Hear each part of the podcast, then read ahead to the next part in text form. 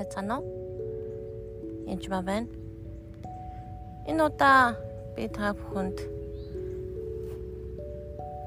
Бурхны үлдээсэн үгийн талаар бид нарт ярьж өгье гэж бодсон юм.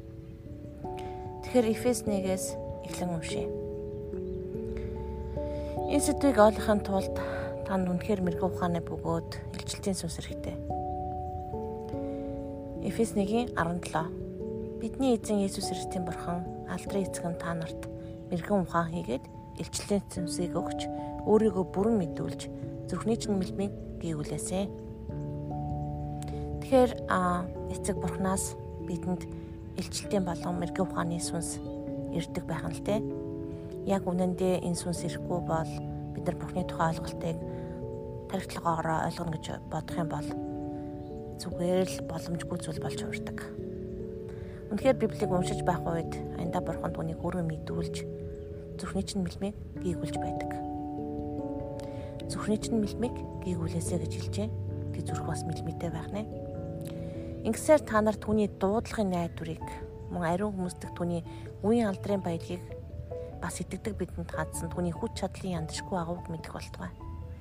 Тэгэхээр мэрэгэн ухаан болон илчлэлийн сүнс ирэх үед бид нар юу мэддэг юм бэ гэхээр нэгдүгээрт нь түүний яг дуудлагын найдварыг Бидний дуудлага юу гэж юу юм бэ?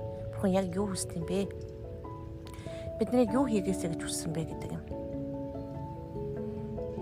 Дараа нь түүний өвийн алдрын баялагийг үнэндээ түүний өвийг бид нар ерөөсөө мэддэггүй. Тэр биднэрт юу өвлүүлсэн бэ гэдгийг мэдгүйгээс болоод итгэж бид нар үнэхээр яг үнэндээ гуйлагчин шиг амьдарч байдаг. Юм гухтайж гуйлагчин шиг эрүүл мэндэнд эдийн засгтайш нийгэмдэр ч гэсэн Үнэхээр энэ үнийг мэдэж эхлэх үед тэр хүмүүсийн аль аль талбар дээр та үнэхээр бурхан чамааг сүүлвч толгой болно гэж амласан бол толгой л байна гэсэн үг. Тэгээ дараа нь бас тэрээр юу гэсэн бэ гэхээр үнэхээр энэ итгэдэг бидэнд ганцхан түүний хүч чадлын яндшгүй агууг мэдэх болтугай. Тэр үнэхээр бурхан бид маш хүчтэй бөгөөд энэ хүчнээсээ бадар бид нар ч гэсэн өгсөн байдаг. Тэр үнэхээр хүчийг, эрх мэдлийг бидэнд тослохоог бас өгдөг ба. Үнэхээр хүч, эрх мэдэл, тослогоо бүгдээр ялгаатай зүйл шүү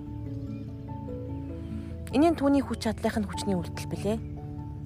Тэгээ тэрээр хийс дотор энэ л хүчээр нөлөөлж түүнийг үхсдээ самлуулад тэнгэрлэг ашгууд баруун гартаа залжээ.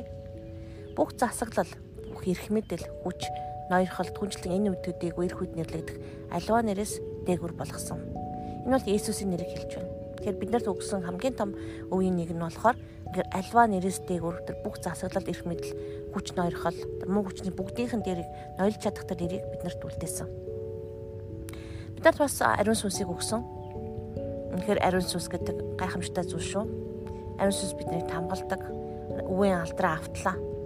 Тэгэхээр 13 дахь эшлэлээр түн дотор та нарч бас үнний үгийг буюу амралтын сайн мэдээг сонссон бөгөөд түнд итгэсэн мөн амлсан ариун сүнсээр тамбалагдсан. Тэр бурхны эзэмшлийн золиг хүртэл бидний үеийн батлан дагч болж түүний алдрыг магтуулахын тулд юм. Ариун сүнс биднийг тамлахдаа хизээ хүртэл тамгалсан бэ гэхээр үеийн алдрын батлан дагч болдог. Дээрэс нь Түүний алдрыг магтуулахын тулд хизээвэ гэж юу дээшээгээ очлоо л гэсэн үг. Тэр бидэнд бас ариун сүсэг өгсөн. Тэгээд бас хүчийг өгсөн. Үхсдээс амьлуулсан тэр хүчийг хүчээр ирээс дотор нөлөөсөн тэр хүчийг бидэнд эвлэж болно гэж өгсөн. Бидэнд бас эрх мэдлэг мэдлүүдийг өгдөг бөгөөд тослогоонуудыг өгдөг.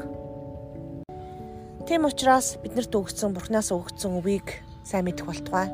Тэг түүний өвийн алдрын баялагийг мэднэ гэж юу гэсэн үг вэ? Асуугаараа. Баярлалаа та бүхэндээ.